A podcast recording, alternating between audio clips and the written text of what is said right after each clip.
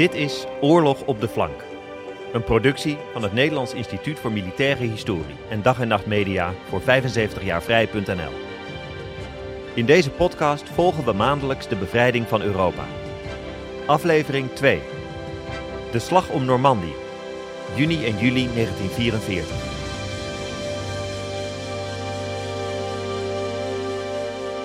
De avond van D-Day. 6 juni 1944. De Duitse nederlaag aan het Westfront was nu onvermijdelijk. Tenminste, volgens sommige nogal stellige historici. Maar deze bewering is, laten we zeggen, wat kort door de bocht. De slag om Normandië was ingewikkeld en nam uiteindelijk zo'n anderhalve maand in beslag. De geallieerden hadden de buitenste schil van de Atlantikwal gekraakt. Dat klopt. De meest kwetsbare uren leken voorbij, dat is ook waar. Aan de westkant van het invasiefront richtten de Amerikanen zich op het schiereiland van Cotentin en de havenstad Cherbourg.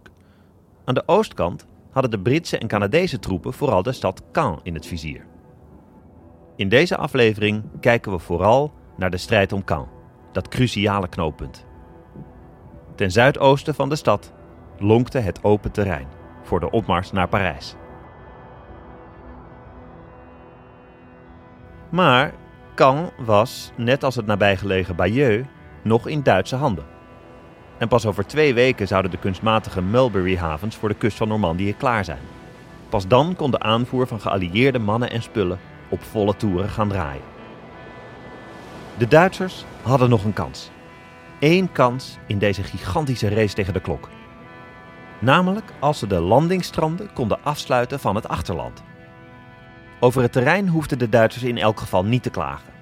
Achter de landingsstranden lag dat typische Normandische landschap, de bocage. Landbouwpercelen gescheiden door dichte heggen tot wel drie meter hoog. Op de tussenliggende weggetjes kon je geen kant op. Ideaal terrein voor hinderlagen. De Duitsers vochten taai door. Alan Wood, verslaggever van de Britse Daily Express, vergeleek de Duitse vasthoudendheid met het fanatisme van de Japanners. Vechten tegen een vijand die je niet kunt zien, maar hij jou wel. De Duitsers probeerden de geallieerden dus in te sluiten langs de Normandische kust. Maar de vuurkracht van de geallieerde oorlogsschepen, vliegtuigen en artillerie hield de Duitsers op afstand. Wie kon nu het snelst versterkingen aanvoeren? Dat was de allesbepalende vraag. Veldmaarschalk Gert von Rundstedt, de Duitse opperbevelhebber in het westen, twijfelde en twijfelde. Was Normandië wel echt het zwaartepunt van de geallieerde invasie? Het nou van Calais lag toch veel meer voor de hand? Zijn aarzeling zou de Duitsers duur komen te staan. De geallieerde vliegtuigen heersten in de lucht. Geen enkel Duits transport ontsnapte aan hevige luchtaanvallen. Bommen verwoesten systematisch verkeersknooppunten en spoorwegen. Overal vielen telefoonlijnen uit. Veldmaarschalk Erwin Rommel, teruggekeerd uit Duitsland, reed persoonlijk commandoposten af om bevelen uit te delen. Op 10 juni schreef een van Rommels stafofficieren iets wat cynisch Autoritjes maken door Frankrijk is natuurlijk niet meer het plezierige tijdverdrijf dat het ooit was. En daar bleek hij gelijk in te krijgen. Op 17 juli 1944 namen geallieerde jachtvliegtuigen de auto van Rommel op de korrel. De veldmaarschalk liep drie schedelfracturen op. Hij overleefde, maar zijn rol in de slag om Normandië was uitgespeeld. Echter, de Duitsers hadden nog wel degelijk een troefkaart. Hun geduchte panzerdivisies.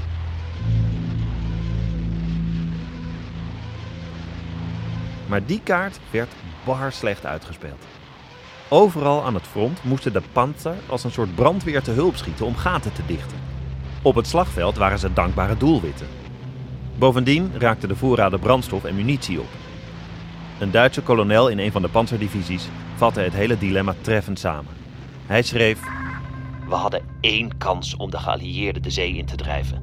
Namelijk de ochtend van 6 juni, de dag waarop de invasie begon. Maar toen kreeg ik geen toestemming om met mijn tanks op te rukken. Al even gefrustreerd klonk een andere Duitse officier. Hij schreef: We zitten op dit moment volkomen vast. Onze tanks vechten op de verkeerde plaatsen, terwijl elke minuut telt.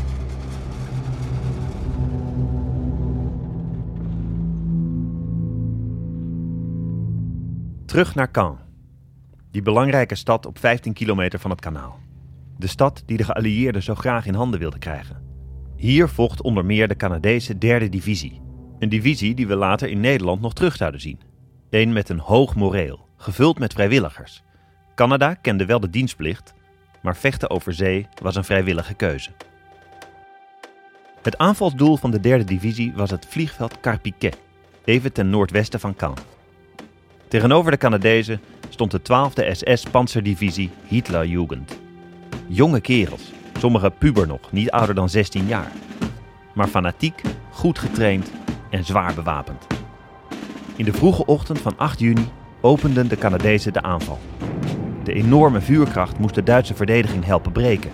Het Canadese bioscoopjournaal deed in ronkende bewoordingen verslag. With the village of Carpiquet in Allied hands and the drive on Caen underway, Canadian infantry run into fierce resistance in the Carpiquet airfield sector. In spite of a fierce artillery barrage from army units, naval guns, and rocket-firing typhoons, the Germans hold on tenaciously for days. Entrenched in foxholes, Canadians closely engage the enemy and finally drive him from the important airfield. Solidly entrenched behind concrete emplacements many feet thick, the death or glory boys, Hitler's picked SS troops, are killed and captured only after a titanic struggle. With the airfield firmly in our grasp, Canadian troops join the main assault on the ancient city of Caen. Een Canadese soldaat schreef: Carpiquet was zo dichtbij. We konden de startbanen al zien liggen. Maar de Duitsers gaven niet op. Hele Canadese pelotons werden uitgeschakeld. De mannen sneuvelden of raakten gewond of vermist. Bij wie stand hield sloeg de vermoeidheid toe. Maar daar hadden de Canadezen iets voor. Ze slikten bennies, amfetaminepillen. Net als de Duitsers trouwens. Het was eigenlijk een soort militaire doping. Je kon er dagen op door. Maar op de lange termijn dreigde natuurlijk verslaving en uitputting. Wie aan de bennies zat, was gemakkelijk te herkennen. De gezichtsuitdrukking verstijfde, een soort zombieachtige blik.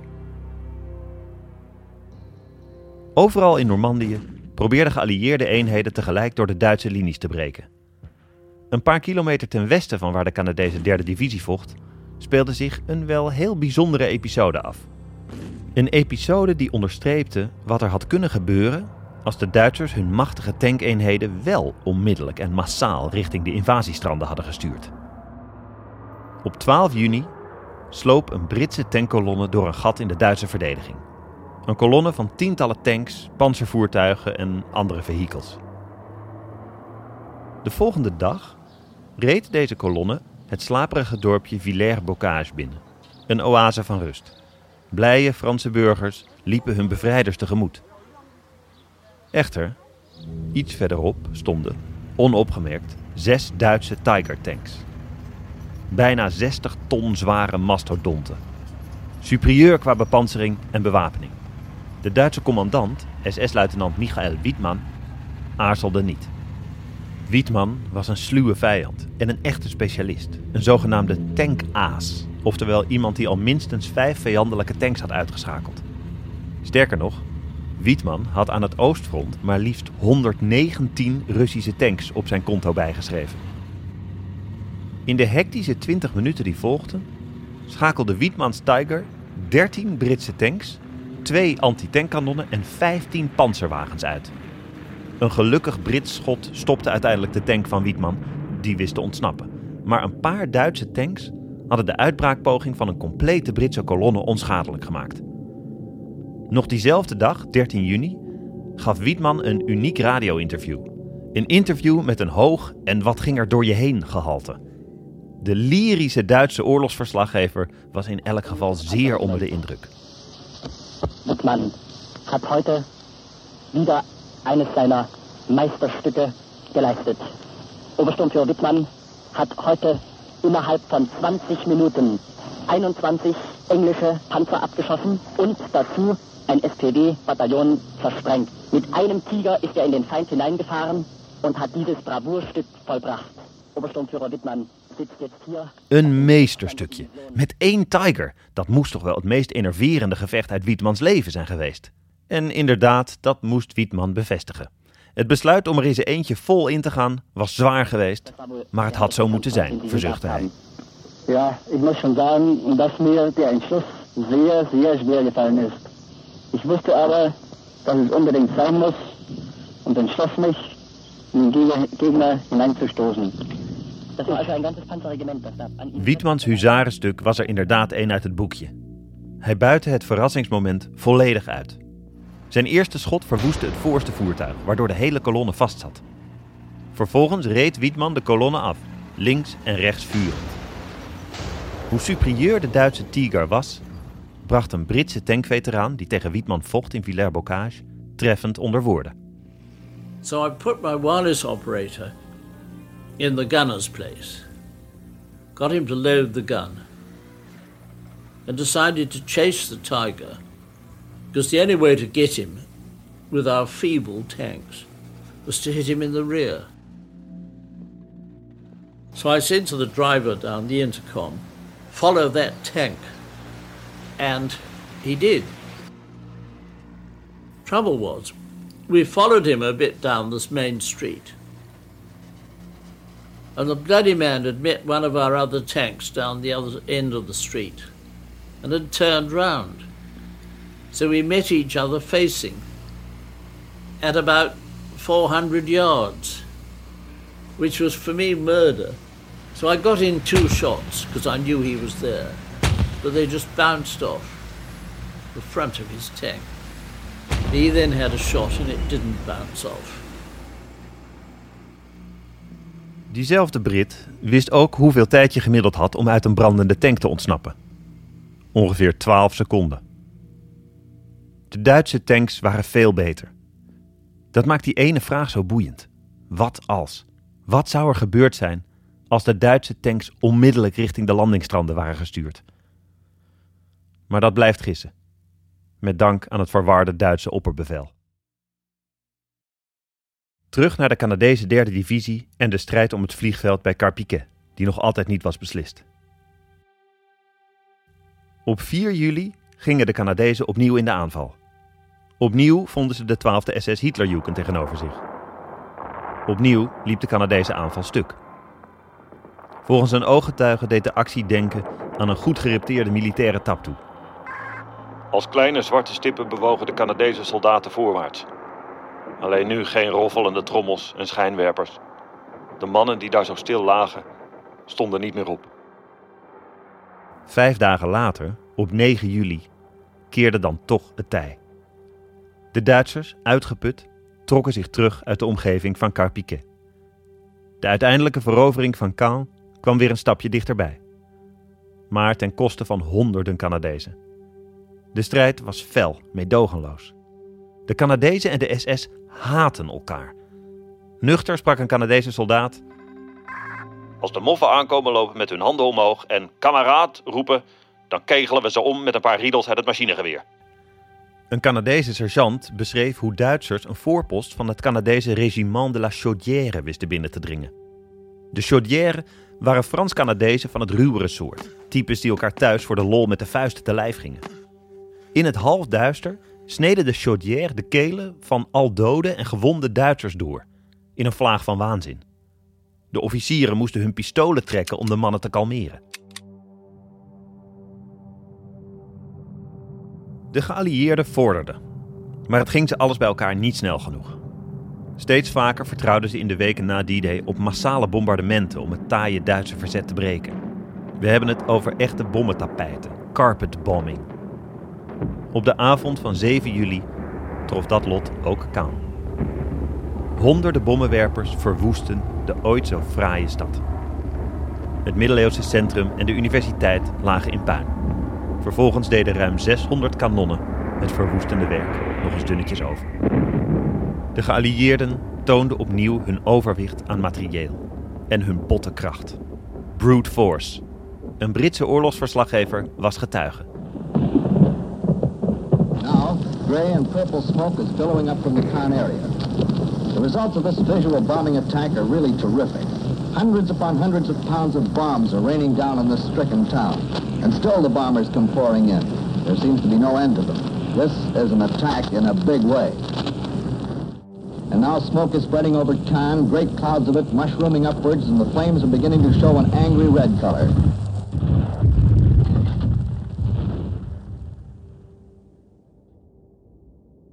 Maar het resultaat van de bombardementen viel tegen. De Duitsers toverden het puin om in goed verscholen verdedigingsposities. Na het bombardement rapporteerde tankgeneraal Heinrich Eberbach: Een berg puin, maar slechts twee tanks vernietigd. Een paar andere tanks op hun zij of bedolven onder puin, die repareren we wel weer. Twee dagen na het bombardement hadden de Duitse verdedigers het zuidelijke deel van Caen nog stevig in handen.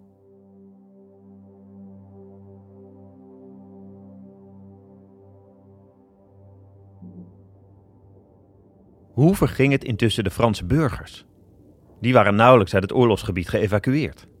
En bommen en kogels houden zich niet aan fatsoensregels. De 17-jarige Cécile Leclerc hielp haar zus Thérèse, een verpleegster, in een geïmproviseerde kliniek in Caen. Thérèse vertelt: Toen het bombardement stopte, was de hele kliniek in rook opgegaan. Ik heb mijn zusje nooit meer gezien. Ze was simpelweg verdwenen. Net als alle andere verpleegsters. Soms waren de lotgevallen van burgers haast surrealistisch, zoals het verhaal van Madame Luce Triboulet. Op 22 juni vertrok ze per fiets naar Caen. Daar lag een van haar zoons in het ziekenhuis. De Brits-Canadese linies waren het eerste obstakel. Madame Triboulet vertelt: Ik doorkruiste een volkomen verlaten vlakte. Met die karakteristieke doodse stilte van het front. Vanuit de verte naderde een Engelse motorordonnans. Hij vroeg om wijn. Had ik niet. Wat verderop lagen ronde zwarte blikken op de weg. Mijnen.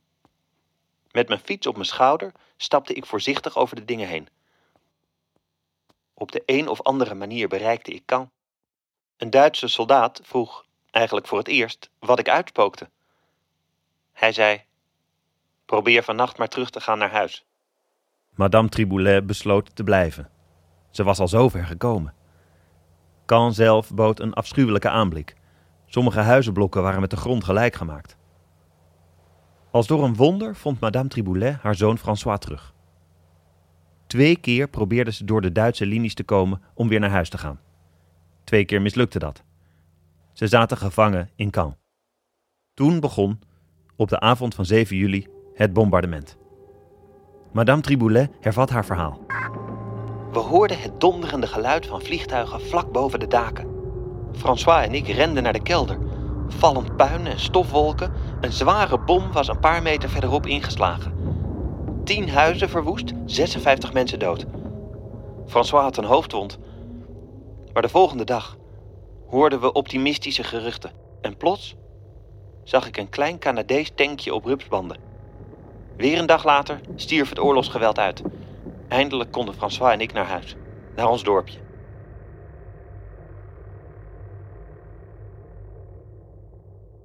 Half juli was Caen inderdaad in geallieerde handen. Maar een uitbraak uit Normandië wilde nog niet lukken. Vanuit de heuvels ten zuiden van Caen bleven de Duitsers doorvechten. Opnieuw vielen honderden Britse en Canadese tanks ten prooi aan Duitse antitankanonnen.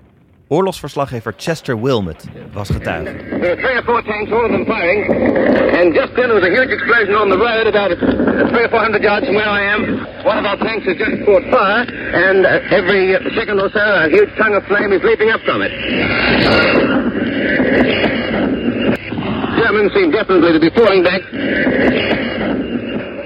Meer dan een maand na D-Day was de slag om Normandië nog altijd onbeslist. De kritiek op de legerleiding van de geallieerden nam toe. Vooral de commandant van de Britse en Canadese landstrijdkrachten moest het ontgelden. De fameuze Britse generaal Bernard Montgomery. De man die in 1942 bij El Alamein voor de eerste grote geallieerde overwinning op de Duitsers had gezorgd. Maar nu, in Normandië, leken de successen uit te blijven. Montgomery was bovendien niet bepaald een generaal van het gemoedelijke soort. Met zijn baas, generaal Eisenhower, kon hij slecht opschieten. Critici vonden Montgomery stug en arrogant. Vandaar een van zijn bijnamen, God Almighty. En nog iets anders dempte de stemming onder de geallieerden.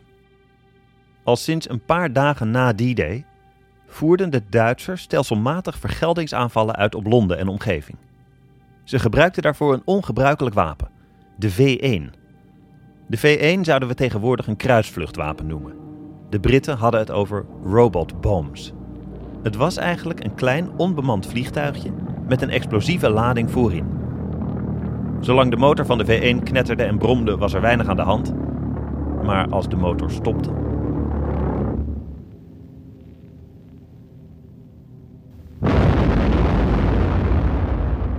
Niet dat de V1's veel effect hadden op het totale oorlogsverloop, maar het psychologische effect was aanzienlijk. Zo ver van het front en zo laat in de oorlog liepen Britse burgers nog steeds gevaar. London is doomed, said Dr. Goebbels. And Adolf Hitler's intuitive propaganda experts claimed that in its first few days of attack last June, V1, the flying bomb, the robot bomb, the buzz bomb, had almost entirely removed the city of London from the war-scarred face of the earth. But soon even German propaganda changed its spots. Once again, the great, patient, enduring city of London was suffering. Suffering, but alive. You can sit back in your seat in this theater and see and hear V1, but you cannot imagine how London suffered and worked and fought. De Nederlandse vlootpredikant Henk Sylvis Smit onderging in Londen de dreiging van V1's. Eind juli 1944 noteerde hij in zijn dagboek: In Londen in de manschappenkantine thee gedronken. Meteen kwamen robotbombs over. Op London Bridge Station moeten wachten. Donderend kwamen ze over het volle station. De sirene waarschuwt en na een paar minuten hoor je hem komen, al nader. Meteen was het stil. Iedereen dook weg. Soldaten, burgers, op knieën, gebogen, dicht tegen muur, moeders over kinderen gebogen. Daar kwam de zware bang. Alle gespaard. Het zijn ongeluksdingen. Al met al rommelde het dus bij de geallieerde militaire leiding. Maar dat was nog niets vergeleken met het Duitse opperbevel. Dat stond er nog vele malen slechter voor. Veldmaarschalk von Roenstedt kon zijn pessimisme niet meer verbergen. De geallieerden terugdrijven in zee was een gepasseerd station. En toen Berlijn belde met de vraag hoe de strijd in Normandië het best kon worden aangepakt, riep de veldmaarschalk naar verluid: Beëindig de oorlog, stelletje idioten! Begin juli 1944 was von Roenstedts positie onhoudbaar geworden en werd hij vervangen door veldmaarschalk Gunther von Kluge. Intussen kon een groep Duitse officieren niet langer aanzien hoe Hitler Duitsland naar de afgrond voerde. Luitenant-kolonel Klaus von Stauffenberg plaatste op 20 juli 1944 een bom in Hitlers bunker.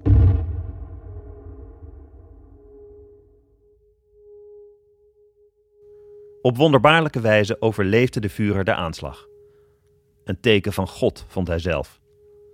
In een felle heksenjacht werden duizenden officieren opgepakt en vele daarvan geëxecuteerd.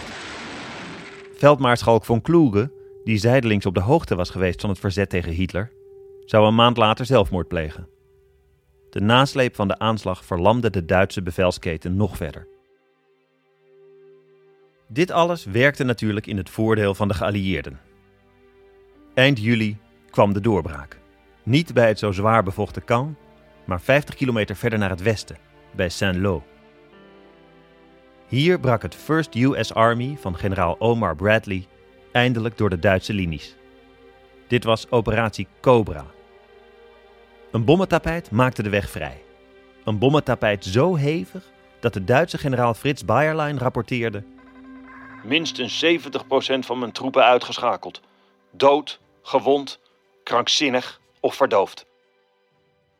Het risico dat de bommen ook eigen troepen zouden raken was groot. Zo dicht lagen de linies soms bij elkaar. De vrees voor friendly fire bleek terecht. Een officier van de Amerikaanse 4e divisie beschreef wat zich afspeelde bij het begin van operatie Cobra. De eerste golf zware bommenwerpers dropte zijn lading. De tweede golf dropte dichterbij onze linies. De daaropvolgende golf nog dichterbij. Steeds dichterbij. Totdat de bommen onze linies vol raakten. De schok was verschrikkelijk. Honderden Amerikanen stierven of raakten gewond. Een van de doden was generaal Leslie McNair, chef-staf van de Amerikaanse grondtroepen. Hij had er per se bij willen zijn toen de aanval begon. Van de voorbereidingen voor operatie Cobra aan de westkant van het front hadden de Duitsers intussen niets gemerkt. Serieuze luchtverkenning was nauwelijks nog mogelijk. En de Duitsers gingen ervan uit dat de geallieerden zouden proberen om bij Caen de beslissende uitbraak te forceren, om vervolgens naar Parijs door te stoten.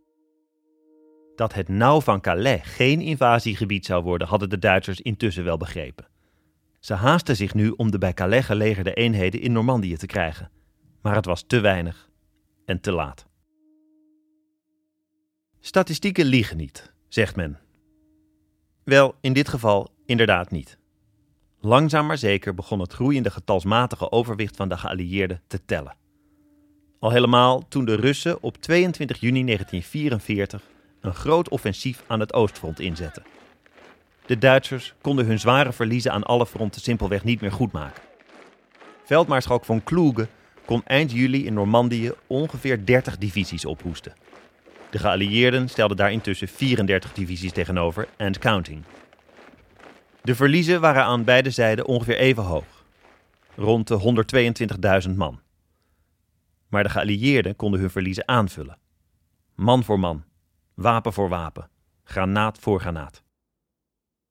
De samenwerking tussen de luchtmacht en de grondtroepen verbeterde. De grondtroepen vielen nu wel onmiddellijk aan zodra de massale bombardementen stopten. En ook de details werden beter op elkaar afgestemd.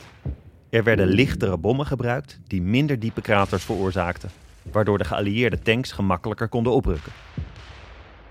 De Amerikanen lieten er geen gras over groeien. Na operatie Cobra stoten ze diep door. Echt hergroeperen lukte de Duitsers niet meer. De langdurige loopgravenoorlog die de geallieerden hadden gevreesd, was afgewend. Frankrijk lag nu open. Parijs aan de horizon. De slag om Normandië was geleverd. En hij was succesvol, maar niet onomstreden. Nog steeds is de slag voer voor discussie. Over de rol van generaal Montgomery bijvoorbeeld. En over het brute bombardement op Caen. Zelf beweerde Monty dat de slopende operaties rond Caen bedoeld waren om de Duitsers, zoals dat heet, te binden. Dat moest de Amerikanen de kans geven om verder naar het westen uit te breken. Maar was de force niet te brute geweest? Ontvouwde zich met dit overdadige gebruik van geallieerde vuurkracht, van schepen, artillerie en vliegtuigen, misschien een patroon? Ook om het aantal slachtoffers aan eigen zijde beperkt te houden.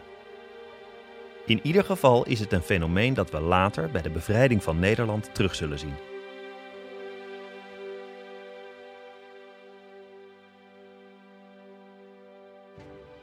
Met deze kanttekening eindigt deze aflevering over de Slag om Normandië van juni en juli 1944. Hoe ging de strijd aan het Westfront verder? Welk lot wachtte de rest van Frankrijk en België? En hoe verging het de Nederlandse Prinses Irene-brigade, die in augustus aan land kwam?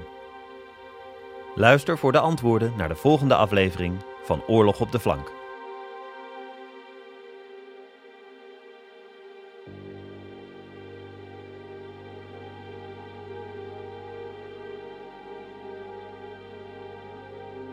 Oorlog op de Flank is een podcast van het Nederlands Instituut voor Militaire Historie, geproduceerd door Dag en Nacht Media.